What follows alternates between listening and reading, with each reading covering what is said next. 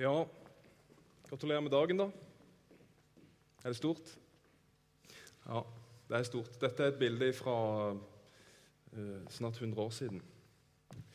Men uh, når jeg var konfirmant en, Jeg tror det var en maidag i uh, 1993. Og når vi snakker om uh, at det river i hjertet, så river det hjertet når jeg ser på det bildet. Ja, kjekk. Ja, ikke sier du. Jeg ser du. Ja.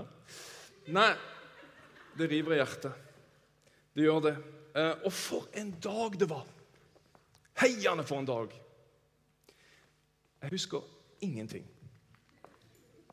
Jeg husker, jo, jeg husker litt. da. Jeg husker bl.a. at jeg arva en ring. Den her. Og så arva jeg en gullklokke. Den har min bror lånt, eh, så den er i Oslo. Så jeg måtte sende melding til han i går kveld. Du må sende meg et bilde av gullklokka jeg fikk av farfar til konfirmasjonen. Se på den. Den, var, den, den gang var han over 100 år gammel. Nå er han snart 200. Eh, og Da husker jeg farfar han holdt eh, en tale om livet, og det var veldig flott. og sånn. Men alt jeg tenkte på hvor mye penger kan jeg få for alt det gullet? For Jeg hadde jo lyst på moped eller et eller annet sånt greier. ikke sant? Det var jo pengene det handla om. Men dessuten så passa de ikke. Nå, nå, tok jeg på meg ringen for første gang eh, på 28 år, og nå, nå passer den på lillefingeren. Eh, gullklokka den var, den var, litt sånn stor. Liksom, det, det, var jo ikke helt greia for meg. Dessuten eh, Det var jo bare gangstere som gikk med gullringer og gullklokker. Jeg var ikke akkurat noen gangster på den tida, som du så, men jeg var eh, kjegas hiphoper. Jeg hadde Rebook pumps. Og jeg hadde ganske eh, kul stil. Nei, men gullringer og sånt, det passa meg ikke. Ok, Men farfar han ga meg disse tingene her fordi det å være konfirmant det handler jo om å tre inn i de voksnes rekker. Det får dere sikkert høre på festen osv. Ehm, det markerer jo en overgang i livet. Og denne klokka da, og denne ringen skulle liksom minne meg om at det var noen som hadde gått foran. At det var noen fotspor å følge og um, noen gode råd på veien. Ikke minst farfar snakka varmt om sin tro på Jesus og hva det hadde betydd for ham. Men så er det jo sånn at selv om noen har gått foran oss, foreldre, besteforeldre osv., så, videre, så må vi møte livet sjøl. Vi må alle fram i frontlinjen i vårt eget liv. I den kanskje mest kjente bibelhistorien vår eh, så møter vi den lille gjetergutten David og Goliat, kjempen. Dere har kanskje hørt den historien før. Eh, jeg har invitert med meg Goliat i komfen. Det var det beste tøyet han hadde. Jeg sa til han det kommer til å være litt skummelt, men ok. Velkommen, Goliat. Som i en gammel krigsklassiker. Se for deg dalen der. Du har filisterherren med Goliat der. Du har Israels hær på andre siden der. Det klirrer i nervøse sabler og i spyd. og Solen står høyt, svetten siler, spenningen er intens. Og kjempen Goliat han står i front hos filistene, og han håner de feige israelistiske soldatene. Han banner og han steiker på Gud og på tradisjoner.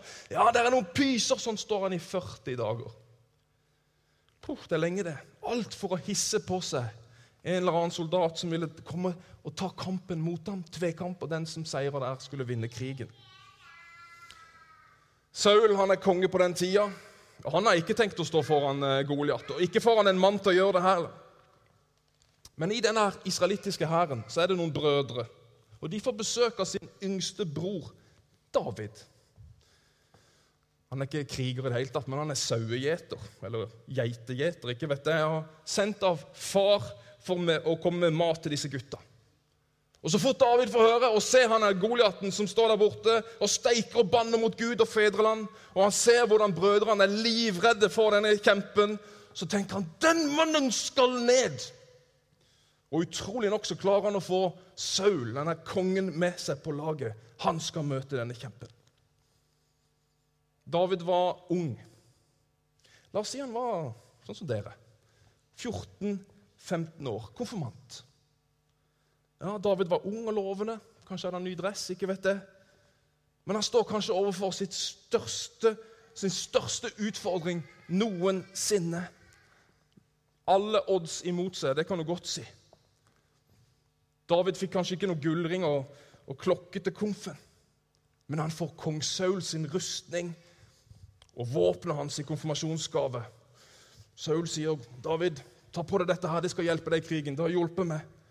Men det er også for stort og liksom tungt, og det, nei, jeg klarer jo ikke gå. Nei, det går ikke. Så han må legge det vekk. Han må gjøre det på sin egen måte.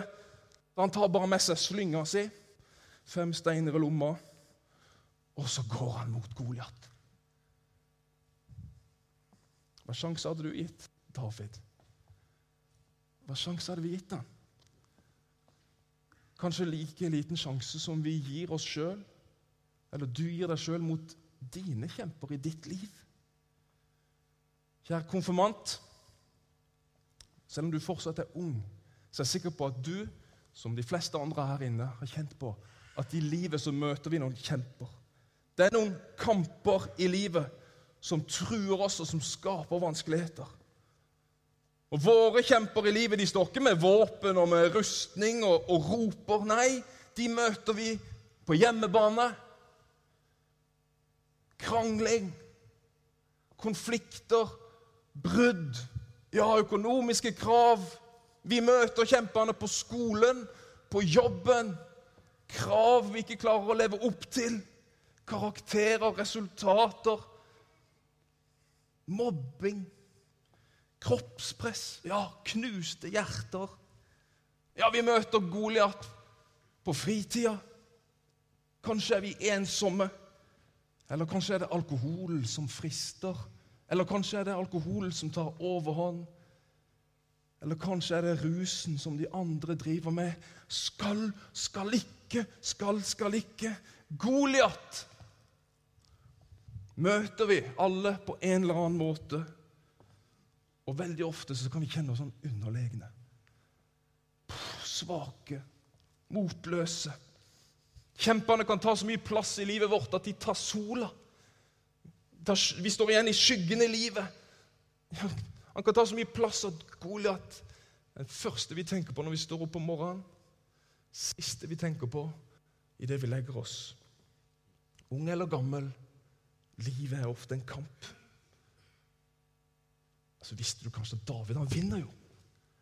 David vinner. Ja, det er jo en sånn ekte heltehistorie, dette her, fra første Samuels bok. Men det du kanskje ikke visste, var at han vant mot alle odds. David var også underlegen. David skulle aldri ha vært der den dagen. Han var ikke velkommen noen sted. Han var, egentlig, han var ikke regna med i det hele tatt. Nei, det var ikke bare én kjempe i Davids liv. David han var ikke en populær gutt. Nei, han var nærmest utstøtt av sin egen familie, mislikt av sin egen far. Ja, Sett på som en tjener, ikke som en sønn, forakta av sine brødre og slekt. Salme 69 jeg tok med noen ord. Noen vil si at Salme 69 er fra da David var ung. Han har jo skrevet mange sånne salmer. Og Der står det 'Du vet hvordan jeg blir spottet'. Han, han snakker til Gud. 'Du kjenner min vanære og min skam'. Spott har knust mitt hjerte, det kan ikke leges. Forgjeves håpet jeg på medynk. Jeg fant ingen som kunne trøste. Les Salme 69, og du får høre smerte i et liv. David hadde et elendig, elendig utgangspunkt. Og Han hadde all grunn til å være bitter og frustrert på livet. Han kunne blitt en bølle fordi livet var vondt. Og du føler kanskje det på samme måten. Men David lærer oss heller noe. For han så han så mer enn Goliat. Han så mer